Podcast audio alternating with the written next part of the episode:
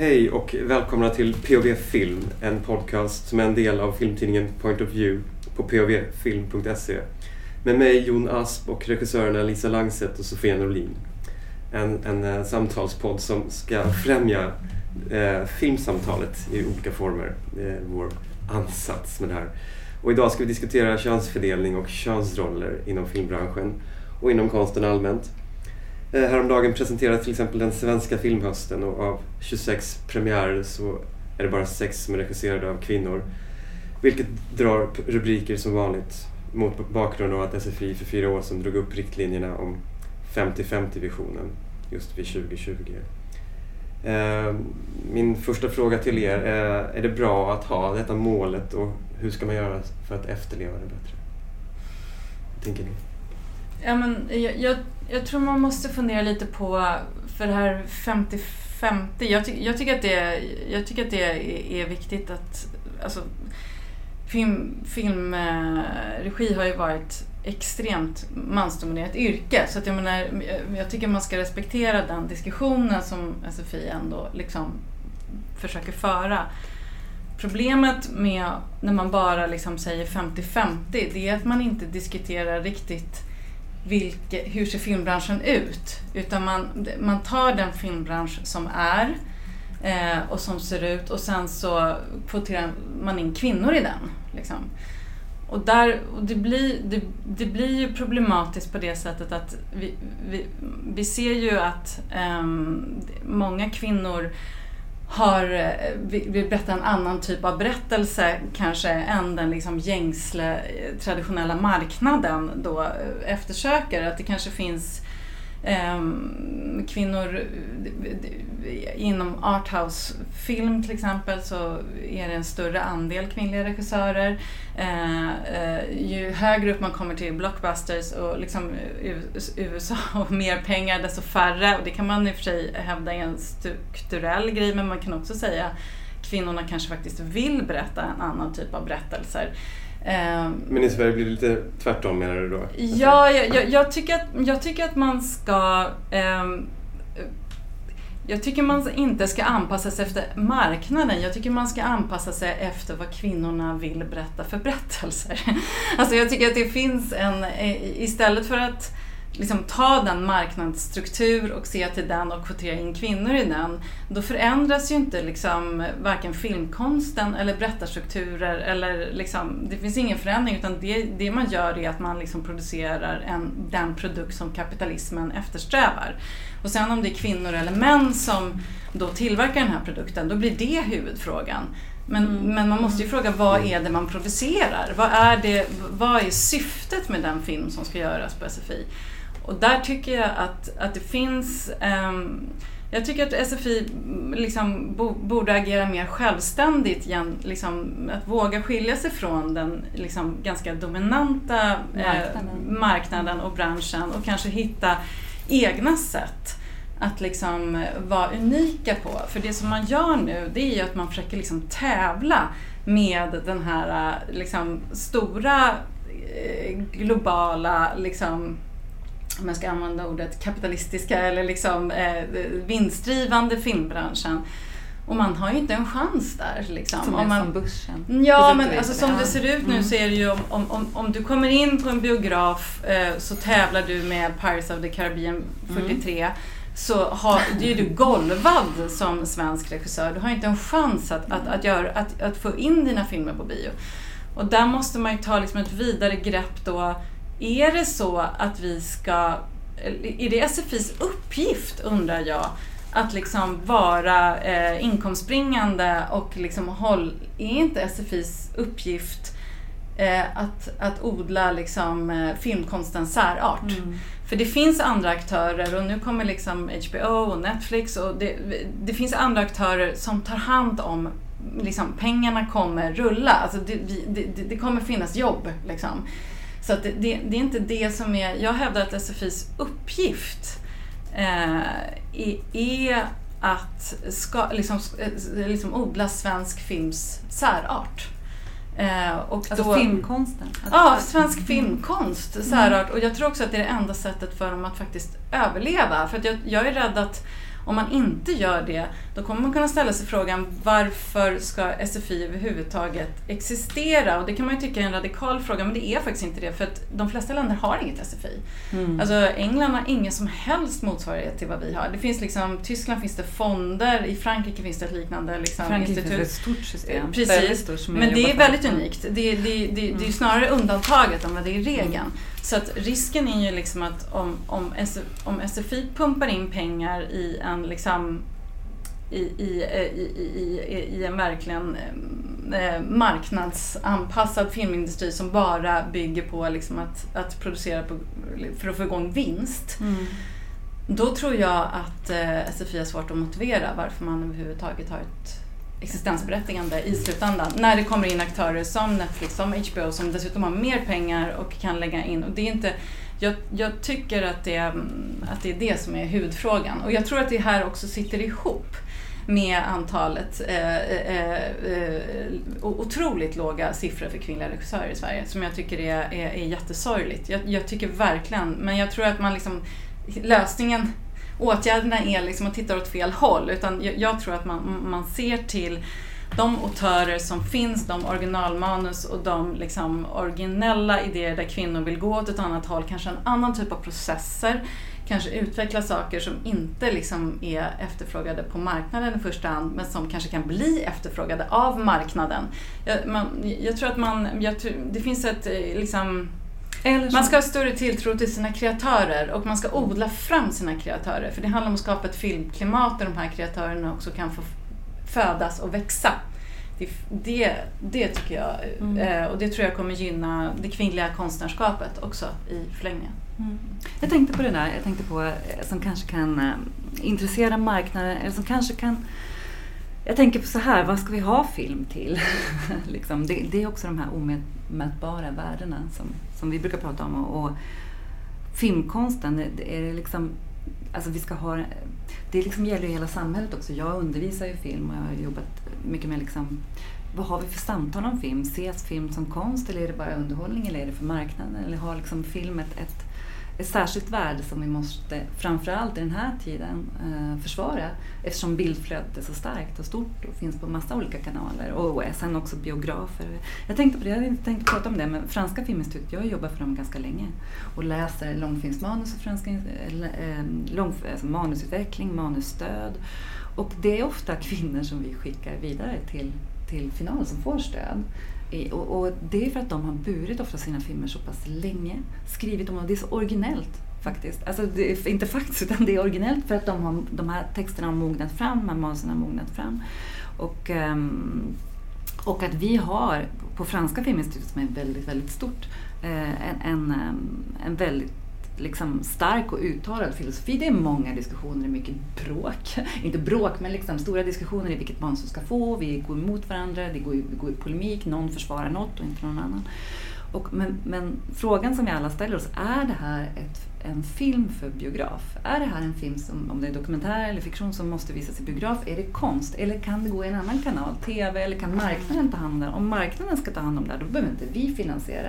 Då ska, liksom, då ska vi släppa det där manuset. Och det händer faktiskt ganska ofta att vi tänker, ja men okej, det här manuset behöver inte Filminstitutet. Och, och det, här är inte liksom, det här är inte konst på det sättet och det kommer inte heller så många sådana det kommer inga marknadsmanus, det är sant. Nej, men det, alltså det, det som man har gjort nu och som jag tycker tyvärr att man ser ganska mycket i, i filmbranschen, det är liksom att man har ägnat sig åt någon slags konsulttänk. Att man istället då för att se, här säger du, ni läser originalmanus, det kommer in ett manus från, från en författare eller en mm. auteur. Eh, och, och, eh, och då lyssnar man ju till verket som då eventuellt ska bli film. Ja. Men jag tycker att på sista tiden, ännu mer sedan bara de tio år som jag har jobbat inom, med film, så tycker jag att det har blivit väldigt, ännu mer liksom av ett slags konsulttänk. Det vill säga liksom, vi har tänkt ut vad marknaden vill ha. Och sen, liksom, och det är oftast då en bestsellerbok. Mm. Eller liksom, man har tänkt ut vad man tror att marknaden vill ha.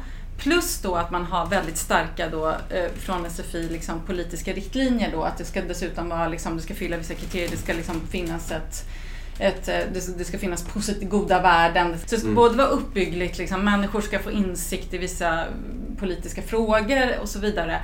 Men det ska också liksom serva marknaden.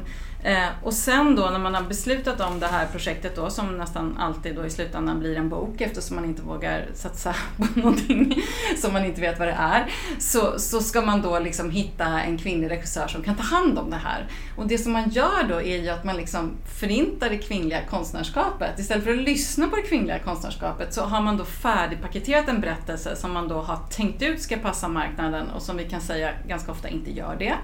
Så att man har ju dessutom haft ganska mycket fel i de här marknaderna. Mm. Men liksom, det finns ett konsulttänk, att konsulten, eller liksom tänket kring vilken film ska gör, som ska göras Istället för att man vänder sig till liksom, konstnären, författaren, autören och frågar vilken film ska du göra? Liksom. Mm. Mm. Det är förskjutningen. Mm. Ah. Och, och, Precis, och det gäller ju liksom både för manliga och kvinnliga regissörer. Absolut. Absolut. Vi pratar väldigt mycket om mångfald och eh, vad vi ska göra för att få få fler röster i, i filmsverige. Liksom.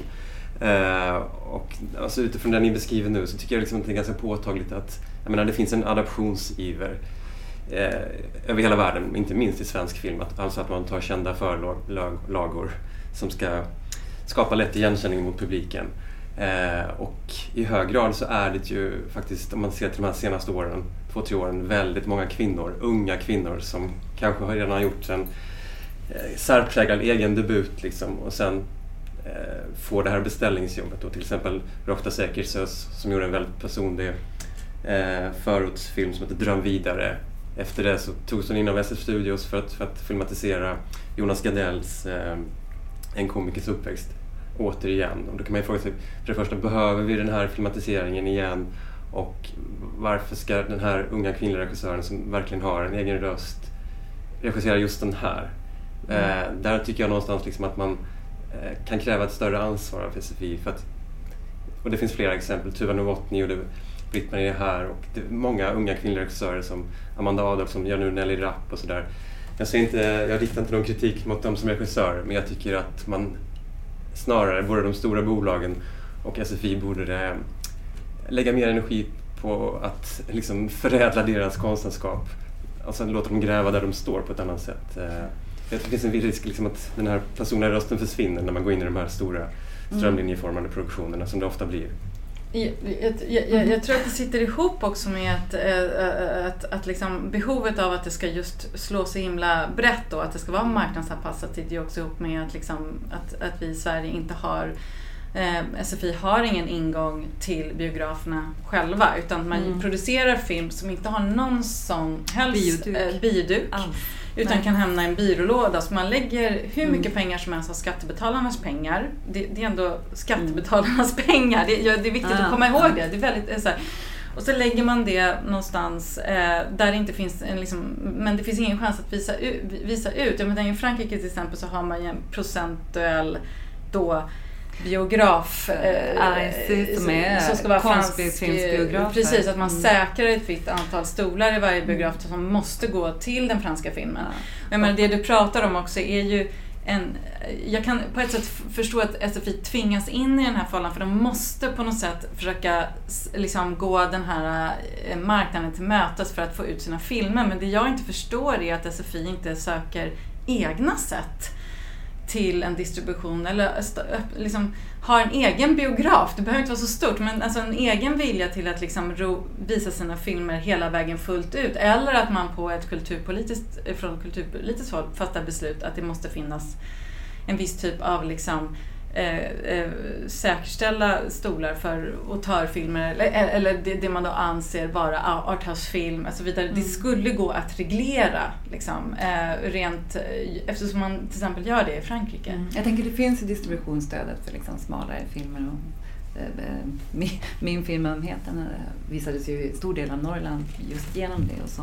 Men det är klart att i Frankrike så är det där väldigt välutbyggt med de här art, arthouse biograferna kan man säga. Men det är också så, jag tänker på det här med publiksiffror eh, som man ändå måste tänka på också för att ja, men det är skattepengar och vem ska gå och se det här? Om man inte har en, liksom, en väldigt levande filmkultur där film anses som konst och där film, de liksom, ja, men de omätbara värdena. Det här är viktig konst. Vi har en filmkultur, vi snackar om film. Man får gå och se viktig, alltså film som konst, bara inte, som, inte bara som diskussionsämne eller tema, liksom underlag för någon större politisk debatt, men utan film som film. Det rent filmiska redan tidigt, kanske liksom på gymnasiet och ännu tidigare. Och att, att man, om man inte har en, lev, en, en riktigt levande filmkultur där film anses som en av de stora konsterna, då, då kan man ju inte heller inte garantera en publik ens för arthouse-biograferna utanför storstäderna. För Sverige, jag, menar, jag kommer från en mycket mindre, liksom, Vischan, där finns det ingen sån biograf alls längre. Det fanns när jag växte upp.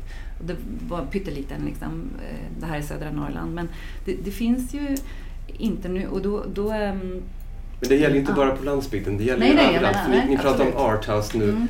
Och ni pratar liksom om att ha egna biografer för att kunna visa dem också. Mm. Men liksom bara, vad, vad ska vi... Jag menar, vad ska vi ha de här biograferna till när vi producerar den typen av strömlinjeformad mm. film? Jag tänker så här, jag menar SFI gör ju vad de kan utifrån 50-50. De, de, de, det är inte de som bestämmer över alla filmer. Liksom. Många filmer är ju utanför SFI så att säga. Så att i själva verket är statistiken ganska jämn, 50-50. Men hur som helst så tycker, tänker jag att det är för mycket. Liksom. Man stirrar för mycket på de här siffrorna och, och pratar för lite om innehåll. Pratar för lite om mm. de här strukturerna i branschen som upprätthåller liksom, det här mm. patriarkala. Och eh, till exempel som nu med eh, situationen efter Corona så är det så här, ah, Eva Hamilton nämnde det senast nu på Filmhösten också, så här, att vi måste få till produktionsincitament, liksom att skattelättnader då på inspelningar i Sverige så att vi kan behålla produktionerna här etc. Och det finns ju en konsensus om det i Film-Sverige och det kan man ju verkligen skriva under på. Eh, så som det låter på pappret, liksom, att mer pengar till filmen, absolut. Samtidigt så är det ju, hela samhället blöder och det finns ingen självklarhet i att vi ska ha ett filmavtal som ni nämnde tidigare. Vem, vem kommer gynnas av det här produktionsstödet och det här incitamentet? Liksom? Är det liksom, gynnar vi då de, de stora bolagen, de befintliga strukturerna ännu mer? Liksom? Och blir det då ännu svårare liksom, för unga regissörer, både kvinnor och män, att slå sig fram. Liksom. Jag tycker, det, jag tycker det är alldeles för lite diskussion kring det där. Jo, precis. Vad, vad jag menar med biograf, om man ska säkra bio, en biograf så skulle det vara ett sätt att garantera, det är ett sätt att skapa en biokultur, eller skapa en kultur kring mm. arthousefilm eller kring, eh, kring en annan typ av filmindustri. Nu har man ju inte någonstans att skapa den här kulturen överhuvudtaget, mm. utan det är liksom det, det, det, nås, det måste liksom ut och nås ut och diskuteras. Vad är det vi ska söka liksom, i filmer och vad, vad är det som kvinnor brukar skriva? Eller också män, det är absolut så. Men liksom de här mm. riktigt manus som har fått mogna fram och som är originella, som är originalmanus. Mm.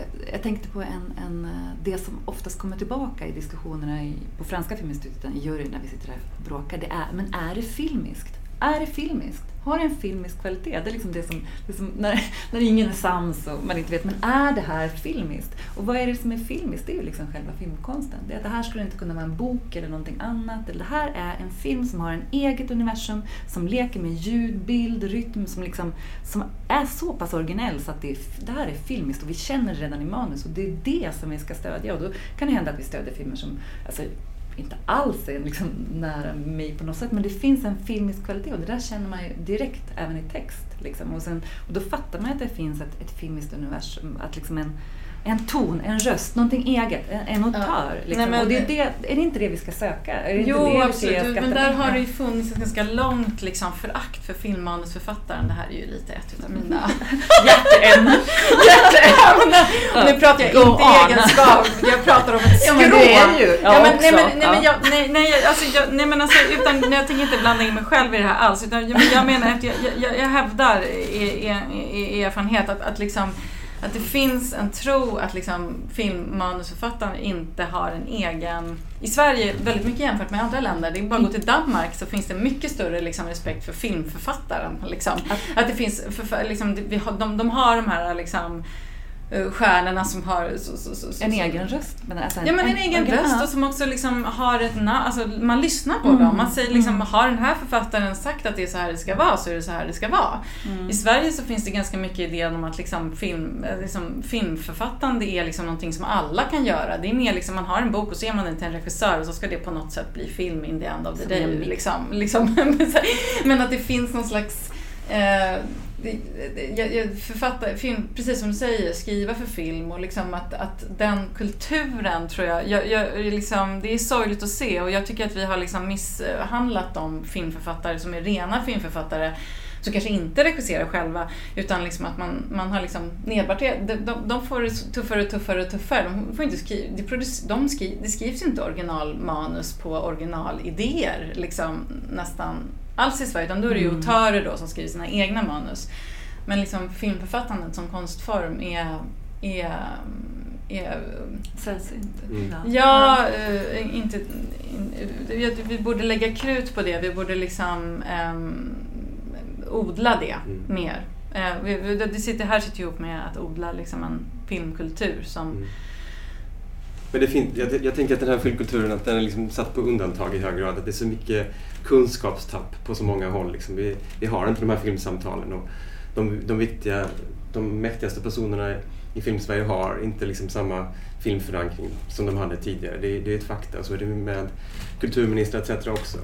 Eh, jag tror att det blir, blir ett problem till slut. Liksom. Inte just det specifika jag nämner nu, men jag tror liksom att det, det synsättet sprider sig.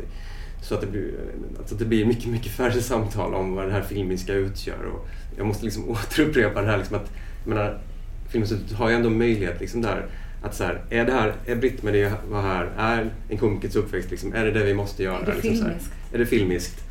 Och liksom då att låta liksom så här, unga talangfulla regissörer göra just de här filmerna, det är för mig väldigt paradoxalt och det tycker jag man, man agerar fel när man ger liksom kvalitetsstöd till, till den typen av filmer.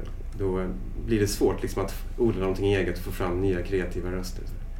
Så jag kan också tycka liksom, i den här diskussionen om 50-50 eller inte, så här, men det, det är liksom ganska mycket tabu liksom, att diskutera om det ens går att uppnå en sån situation. Liksom, för att, att film är ett så otroligt krävande medium som kostar väldigt mycket. Eh, det är mycket uppoffringar, inte, minst i förhållande till familj etc. Liksom, och, i många fall har det visat sig liksom, historiskt sett liksom, att det är svårt att vara liksom, en närvarande förälder. Och så här. Liksom, går det ens att vara liksom, en närvarande förälder i den här branschen och, och ändå liksom, göra film på löpande band? Eller måste man liksom anpassa sig? Finns det, finns det en eh, biologisk aspekt av det här fördelningen män och kvinnor inom filmbranschen? Vad, vad, vad tänker ni kring det? Um jag, jag, jag tror att, att ehm, eller det- det, har jag hört, till och med hört statistik på att, att eh, de flesta kvinnliga regissörer gör sin, eh, sin första film innan de har barn. Mhm, och sen får de barn. Det är och sen- spelfilm alltså? En spelfilm. Eh, och sen så, och då droppar, trillar folk av eller det blir färre, det, de håller inte samma produktionstakt helt enkelt.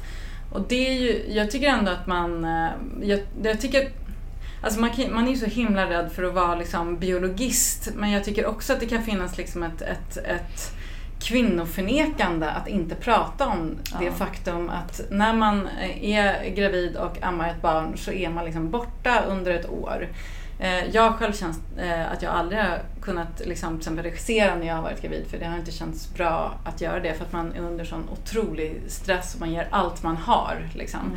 Att det finns en, en sån, eh, och, och det finns en sån som jag, som jag också tycker på något sätt sitter ihop lite med om man nu ska tänka på, för, för det som vi brukar landa i det är väl att det handlar om tid. Att jag tror att för den kvinnliga regissören, om man då också vill ha barn, man kan också välja att inte skaffa barn, men om man vill ha barn och ska jobba som filmregissör så behöver man ha liksom lite mera, man måste kunna styra sin tid lite grann. Och det här sitter ihop också lite med autören och eh, versus den som bara ska eh, tillfredsställa en marknad. För det som händer med de här stora projekten det är ju liksom att så att de bara dundrar in och sen så bara kan du nu och kan du hoppa på. Och det, jag tror att det är oftare kvinnor i, i den ålder som många kvinnliga filmregissörer är. Oftast är man ju lite äldre eh, som, som, som, som filmregissör för att man, man har hållit på ett tag innan man får rull. Liksom. Och det sammanfaller ofta med att man liksom ska, vill ha barn. Eh, så att det, jag tror att det ofta är kvinnor som, säger, som, som liksom avböjer, som inte kan ta sig de här stora filmprojekten. Men det skulle kunna gå att styra med att kvinnorna hade lite me- mer svängrum eller själva att kunna påverka sina processer. Och där tror jag att SFI skulle kunna vara liksom ett stöd i det till exempel. Att man inte liksom bara behöver ge sig in på en ultrakapitalistisk marknad utan att det finns liksom något sätt för Att man- eh, k- kvinnan att, att vara både kvinna och kvinnokropp och ha, ha, föda barn och ha barn och samtidigt vara konstnär. Och det, den här diskussionen är ju jätte, jättekänslig och eh, jag tänkte på den jättemycket när jag läste Samlade verk nyligen. Som jag tycker var en jättefin, alltså Lydia Sandgrens bok som har debuterat så mycket nu, men jag läste den i somras. Jag tyckte att det, det var ett jättefint porträtt utav svårigheten att vara helt i konsten och i det högre. Liksom, att hela tiden vara i kontakt med det och samtidigt liksom försöka vara eh, liksom, eh, i, i, sin kropp och föda och vara ansvarig för det här mm. nyfödda barnets liv om man då vill amma och så vidare. Liksom att den, den utmaningen tycker jag var väldigt fint gestaltat eh, i, i i Lydia Sandgrens bok. Um, men ovanpå det då också, om man dessutom ska liksom vara i det här liksom, kreativa högre tillståndet men man även ska tillfredsställa en kapitalistisk marknad så blir det liksom en grej för mycket. Så där tror jag också att det finns en vinst för kvinnan att kunna ha processer som är eh, mer fria. Mm. Eh, som också kanske anpassar sig mer efter den individen som mm. bär projektet. Att man följer ett konstnärskap liksom på sikt. Eller, mm. menar, ja. Det är liksom två olika tidsrytmer. Det är ju liksom en tidsrytm som är livet, som, som är kroppens och barnens och sen är det en tidsaspekt som är marknaden. Eller vad jag ska säga. Men sen tänkte jag på det här att det går ju faktiskt att föda barn. Alltså det går ju, jag har ju varit gravid när jag har gjort både långfilm och novellfilm. Och, och, och men, men, det här är något, jag tänkte, det är ju faktiskt det är tabu på många sätt. Man snackar inte om det här. Samtidigt snackar man jättemycket om det här även med pappor, alltså även med, med män som är eh, småbarnsföräldrar, alltså som är regissörer. Att, hur gör man? Liksom? Hur, när tar man tid? Man måste ju, om, man, om man har barn så vill man ju också så vill man ju vara med dem.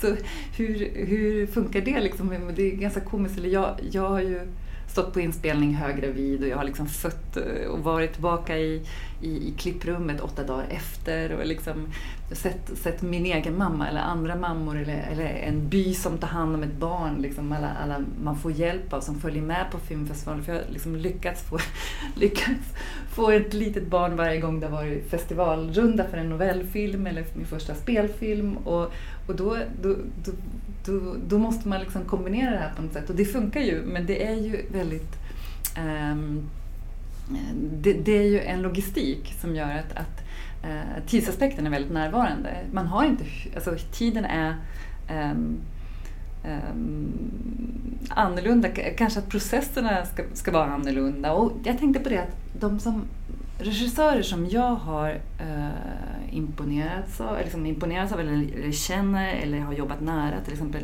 Ariam Nushkin, det är ju en teaterregissör, Kläder Ni, Eh, jobbar med delar av hennes team, hon är ju fan, helt fantastisk filmregissör.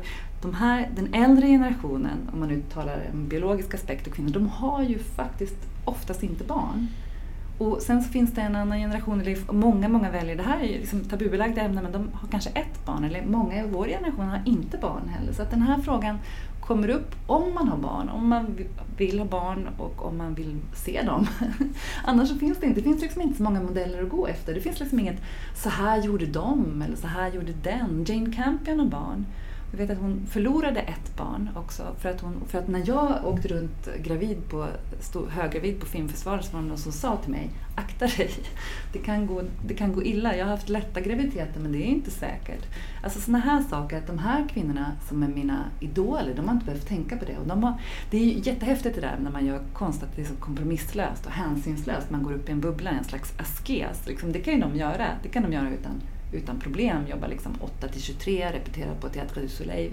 Liksom, det är fantastiskt att gå upp i konsten. Men om, det kan man inte göra sen. Du menar att de inte, de har inte, de har inte barn, men de har inte heller några liksom, djupare relationer? Alltså, Nej, precis. Det, för det konstnärskapet är ju, det är fantastiskt häftigt. Liksom. Men det är ju en, en, en slags villkorslös eh, eh, inställning till konsten, att konsten är i högsta vilket det ändå är.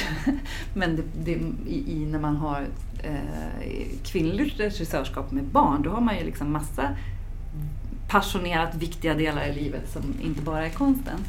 Um, men eh, vad tänkte jag säga om det? Jo, um, ja, det, så det finns liksom inte så många modeller och, och Eh, och jag tänker att, att eh, ja, men när jag bor i Frankrike så då kan det vara så väldigt eh, rakt på eh, fraser. Jag tänkte på det under metoo. Jag tänkte det här är ju också en sån här grej. Jag har inte råkat ut för så många saker men sånt här har jag verkligen råkat ut för folk som säger ah, men du, nu har du två barn, nu har jag ju tre. Nu har du två, ska du inte sluta regissera? Då ska du väl sluta regissera. Att det sägs liksom som en... en eh, det finns en slags realism i i, ehm, men också, det, systemet är hårt. Inte, det, det, har inte tidigare varit så att, att man vill kombinera de här världarna. Mm. Men jag tänker att, typ, Lisa du nämnde tidigare Lydia Sandgrens samlade verk, alltså där den mm. kvinnliga huvudpersonen då, eller en av huvudpersonerna, den här idéhistorikern Cecilia, hon då schappar ju då från, från man och små barn eh, spårlöst försvinner. Eh, och det är också kring det som bygga, boken byggs upp, kring den mystiken. Och det känns som att det är någonting som författaren utforskar tillsammans med, med läsaren. Hon har liksom inte något, någon tydlig idé om det från början utan det är liksom det, den där resan som, som utgör själva romanens eh, behållning i hög grad, i alla fall för mig. Samtidigt som att det är också ett ganska riskabelt projekt liksom, att sätta upp, att här, oh, kolla här, en kvinna som drar från, från man och barn. Det kräver ju sitt hantverk, det kräver ganska mycket för att liksom leva upp till det också så att man inte bara kastar ut det här oh, kolla här, vad ovanligt med en kvinna som gör det här. Men, men liksom, det förekommer också i din andra långfilm Hotell där Alicia Vikander spelar en nybliven mamma som, som, som lämnar man och barn. Mm. Är, är, liksom, är det liksom, jag menar inte kanske just så som de här personerna gör det, men är det liksom accepterat idag att vara kvinnlig konstnär, kvinnlig regissör och också vara familjelat? Liksom? Alltså det som jag tyckte, som jag blev berörd av i samlade verk, det var ju att jag tyckte att jag, jag kunde, liksom, jag tycker att det var så fint gestaltat i det lilla. Liksom. Att just inte vara någon så här pompös, jag ska ägna mig åt konsten, jag drar. Alltså, utan att det var liksom, hon är så eh, besjälad på något sätt att hon klarar inte av det. Liksom. Eh, och han ser inte henne riktigt. Jag tycker, jag tycker ju att han sviker henne i boken. Och det som är fint med boken är att den går att se från så många olika håll. Jag tycker att, jag tycker att det handlar om en man som sviker sin fru utan att han vet om det. Mm. I det lilla, lilla, i det vardagliga. Så som svek kan se ut i ett äktenskap som ändå borde funka. Liksom. Alltså, det är inte det stora, det är det lilla, lilla. Liksom. Som att jag struntar i att komma hem, jag jobbar över istället. Liksom. Jag, jag, jag, det, det, som bryter ner henne. Liksom. Och hon går ju sönder som jag ser det. Hon, blir, hon, går ju sönder, hon går i tur, hon är inte gjord för det. Liksom. Så att det gestalt, och det upplevde jag, eh, och jag tyckte att det som berörde mig var på det vardagliga sättet. Att jag, för jag tror att det är väldigt många kvinnor som kan känna igen sig i, i den situationen. Ja, men det är just och, väldigt fint just med hur hennes rutin, att hon sticker ut och springer tidigt på morgonen och sånt uh, där. Det känns som mm. att hon i det här vardagliga som du nämner byggs mm. upp och blir oantastlig på, mm. på ett, alltså för bokens ett bra sätt. Liksom. Medan mm. hennes make då är liksom också väldigt bildad och karismatisk men ändå mycket mer medioker ja, konstnär. Precis, precis. Liksom, och han blir också hotad av henne, eh, eh tror jag. Eh, eller jag, jag upplever, jag läser boken så, att han tycker att det är lite jobbigt att hon är att han är mer medioker. Hon, sitter, hon, hon har så lätt för allt det han har svårt för att skriva och skapa. Liksom. Så att det, det finns också, och det på ett väldigt subtilt sätt finns det liksom någon form av konkurrens som han upplever gentemot henne, upplever jag i boken. Men också så subtilt att det, att det är liksom det är färgskalor mm. liksom, i det. Så, så jag, det går ju att läsa det på väldigt många olika sätt. Men tänker du att någon ser henne? Tänker du liksom att eh, vännen då, konstnären Gustav till exempel, ser han henne? Ja, han ser henne. Mm. Absolut, han mm. ser henne. Det är mm. därför de har en så varm vänskap, liksom, mm. att han verkligen uppskattar henne. Medan då eh, den här Martin, heter han förläggaren, mm. blir hotad av hennes liksom, styrka och kompromisslöshet och eh, egensinne, tror mm. jag. Liksom. Det verkar vara ett tema som ligger dig varmt om hjärtat till viss del eftersom du förekom ja. det själv i eh, hotell, till viss del då menar jag. Ja, jag tycker att det... Jag tycker Har du funderat det... på att göra det själv? Nej. Vad dra från nej, nej, jag skulle inte kunna det. Eh, men, men eh, jag tycker att det finns en intressant, och det vi pratade om innan, alltså eh, skapandet om man vill, om man, eh, det, man det man verkligen vill göra om man då är passionerad och går hela vägen in i det man vill göra mm. eh, kräver ju, liksom, är ju ett ganska mm, en brutal energi och det är liksom en hänsynslöshet i det. Liksom, att nu ska jag göra det här, vi ska göra det här och man är liksom en otro, man är arbetsledare, man är man, är, man, man måste vara själen i projektet för att det ska hända och man, man, man ger allt man har.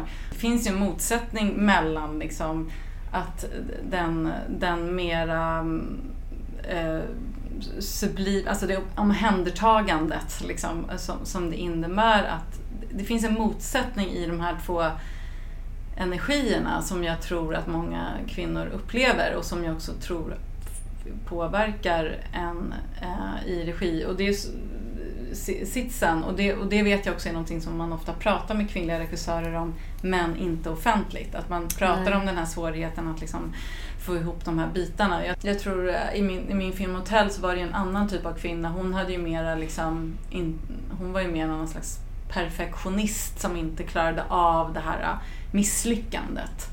Så hon hade ju inte liksom en, en, en, eh, ett konstnärskap som stod som motsats utan det var ju mera liksom, hon var, som jag ser henne så är hon en perfektionist som inte klarar eh, hon får också ett sjukt barn så pressen på henne blir ju enormt stor att mm. hantera.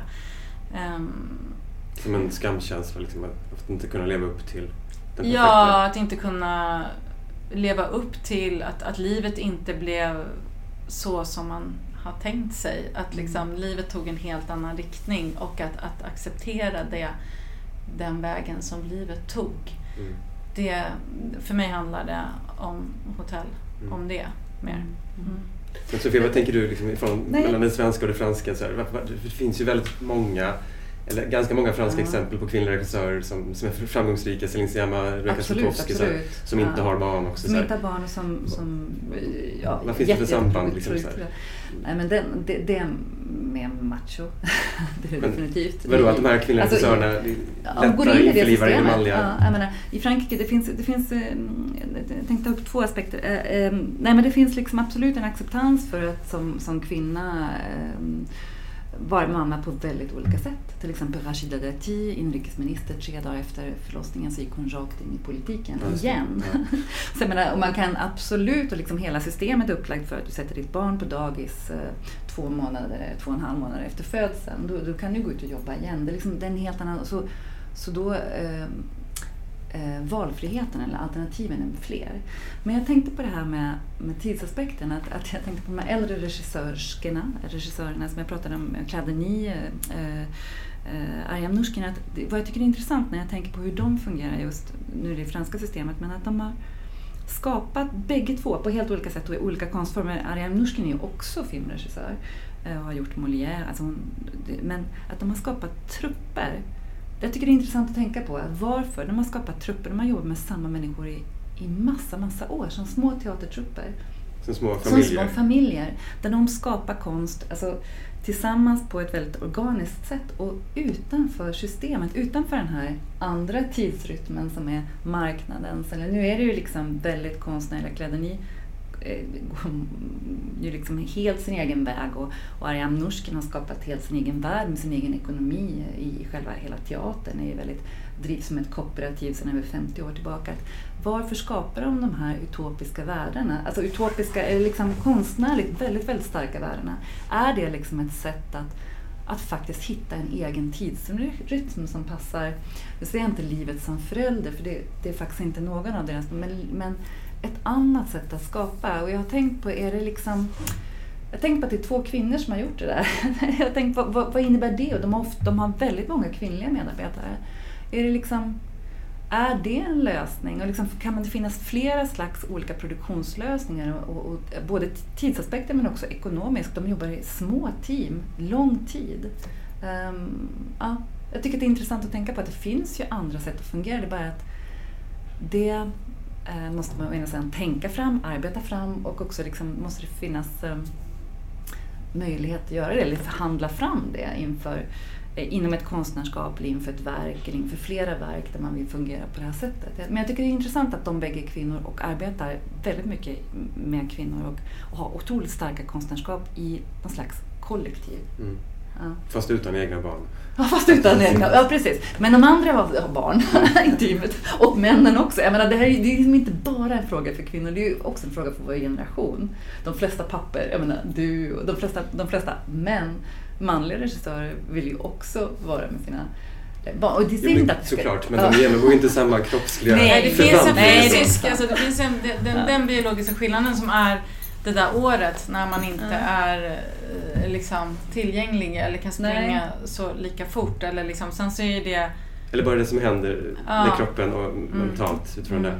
Mm. mm. Det måste väl vara en väsentlig skillnad ändå. Jag menar, I Sverige kan man idag liksom höra jag hörde häromdagen en, en podd mellan Erik Skylt och Daniel Sjölin där de diskuterar liksom manliga normer, liksom att det är svårt att leva upp till dem för de känner ett, ett utanförskap liksom, i förhållande till innebandyspelarna och allt det där. Liksom, och Erik väntade sitt första barn nu och han önskade mer än allt annat att han själv fick vara mamma liksom, för att verkligen få uppleva det. Att han kände liksom redan svartsjuka gentemot barnet och den kommande dottern. Då, då kan man mm. fråga sig så här, är det liksom ja, men den, den, den, mannen med de mjuka värdena? Liksom, eller är det liksom ett sätt att så här, ja, men, man så här, kvitterar ut sina privilegier i samhället samtidigt som man egentligen bara liksom vill krypa hem, ligga i mammas famn eller så här. Bara, Men jag kanske går tvärtom. Alltså, jag kan ju drömma att jag ska liksom kunna försörja min man, att han ska liksom inte behöva jobba. Han ska inte behöva tjäna pengar. Jag försörjer honom liksom. Och barnen och allting. Jag tar hand om alltihopa liksom. Men det är kanske också är ett sätt att slippa dåligt samvete för liksom, om han eh, liksom hämtar mer än vad jag gör och så vidare. Liksom. Att det, det där är ju intressant det kanske är att det, det, är liksom en mer uppluckrad tid kring de här familjestrukturerna. Man längtar, men liksom det är tillåtet att längta till det motsatta könets situation. Liksom. Eh, alltså, vilket, att försörja, vilja försörja sin familj anses vara ett ganska gammalt manligt, manlig, manlig liksom, drivkraft på något sätt. Sådär. Mm. Men, eh, men, eh, men det...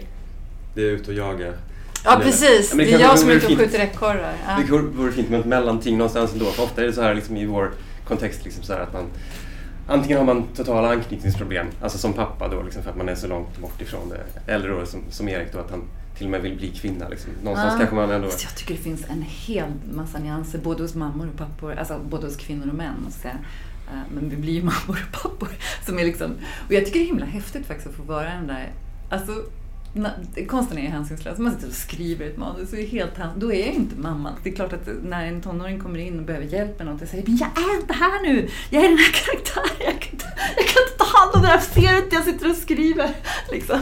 Du, du, du, det här måste ju vara de flesta konstnärliga yrken och säkert en massa andra yrken också. Men det är bara det är just att um, det är klart att vi är inte astronauter, vi försvinner inte en jättelång tid ut i rymden eller så, men, men en filminspelning är en stor ett, ett jätteantagande som är liksom en ganska stor tid borta från familjen. Jag har gjort det och mina barn har klarat av det. Och liksom sju veckor, nio veckor.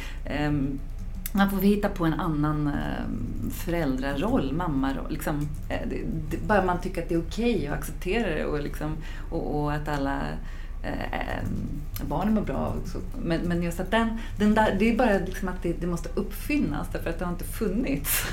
hur, hur, hur gör man liksom? Eller hur, hur, ja men så här gör, gör jag eller så här gör du eller Um, jo, ja. jag, jag, tror i alla fall att om man, om man tänker på liksom varför...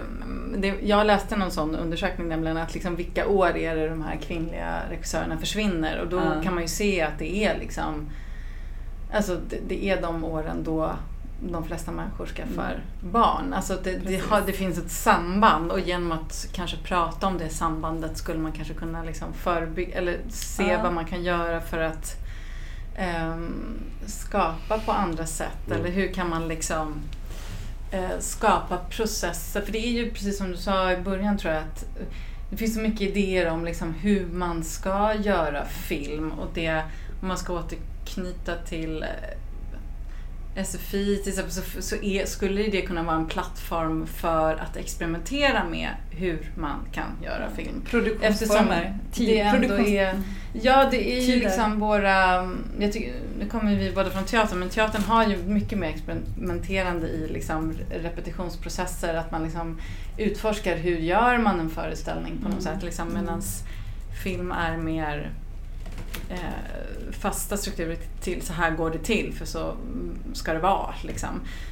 Men det, det vore ju spännande att se en, ett annat undersökande kring liksom, den filmiska processen och det i sig skulle också kunna gynna den, de kvinnliga regissörerna. Mm. Mm. Mm. Ja, men vad tror ni liksom att det är, är det viktigaste då utifrån det vi har pratat om här idag? Alltså för att få till ett bättre klimat där vi bättre tillvaratar den olika talanger, kvinnor och män. Alltså, är det mer tid, är det mer pengar, är det mer förstående män där hemma eller är det bättre strukturer eller mindre fokus på siffror bara?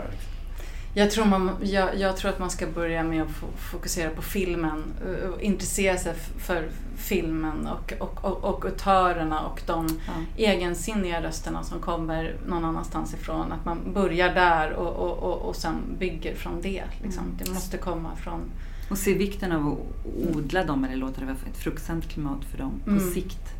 Och, mm. och, och då ha liksom aspekten, att, och kanske för bägge könen, men, att, men framförallt för kvinnor, att de kommer försvinna kanske eventuellt ett litet tag och sen, eh, på grund av livet och sen mm. komma tillbaka. Men att, att, att odla de här rösterna som, som faktiskt finns och redan finns. Och, och då också i ett filmklimat där vi, där vi, för det är också det, ju mer filmklimatet blir ett, ett klimat där vi ser filmen som konst och liksom och, och, inte bara som marknad, nu är, det inte, nu är det inte så att vi ser det bara som marknad, men än mer som konst och än mer som ja, men en konst i sig, det rent filmiska, eh, då, då, då kommer det också vara det vi söker.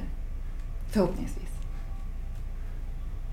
Och med de orden tycker jag att vi rundar av för idag. Vi lär få anledning att återkomma till de här frågorna mm. flera gånger.